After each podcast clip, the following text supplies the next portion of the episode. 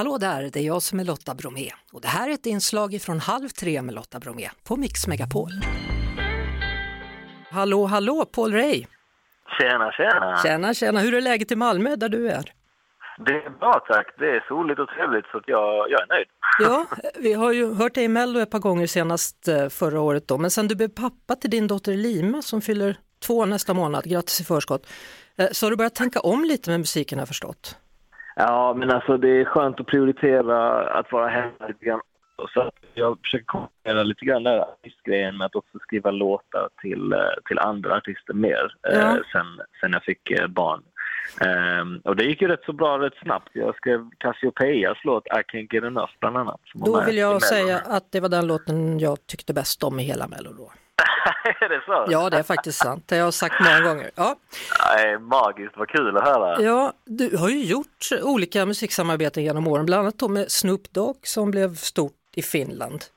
Ja, precis. Den blev, eh, den blev lite av en hit, lite olika ställ- ställen, men just i Finland var det extra roligt. Min, min pappa är från Finland, så jag hade, jag hade farbröder som ringde mig och bara ah, de spelar din låt på radion varje dag. Ah, det, var, det var extra kul alltså. Ja.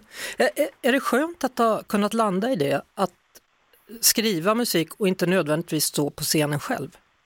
Jag tycker faktiskt att det är en extremt skön insikt för mig att landa i att det jag tycker är roligast med mitt yrke är att skapa. Liksom. Det är inte nödvändigtvis att behöva stå på scen eller något sånt där, utan att, att bara göra musik, att starta med ingenting och sen ha gjort någonting. Mm. Det tycker jag är det roligaste. Så att jag kan skriva åt andra också, det blir bara extra kul. Mm. Du har ju eh, jobbat bland annat med Quincy Jones, han var ju eh, något av en mentor till dig då. Han gjorde ju Michael Jacksons album och gjort filmmusik med mera. Och, och du var hemma och spelade upp låtar i hans hus i LA. Jag har träffat honom, han är väldigt trevlig den mannen. Du. Han är extremt trevlig och extremt social och pigg. Alltså du vet så, han var, när vi träffade honom första gången så tror jag han var 82 år gammal Mm. och nu är, han, nu är han kanske 86 eller något, eller äldre till och med.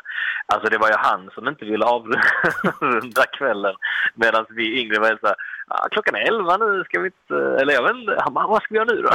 Han, var, han var nära vän med Lill-Babs också. Så att det, det, ja, ja, Båda exakt. två, Han exakt. till Sverige. Ja, precis.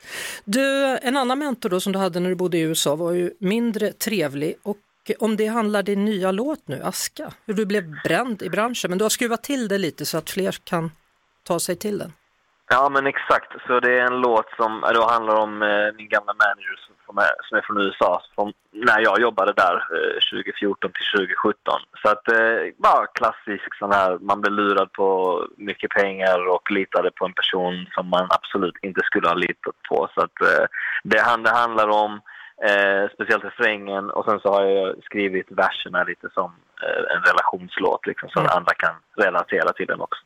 Kul att du sjöng på svenska, eller? Ja, extremt roligt. Jag uttrycker mig på ett annat sätt än på engelska och det blir mer personligt och direkt. Jag tycker det är svinkul. Tack så mycket för att du ville vara med Paul Ray.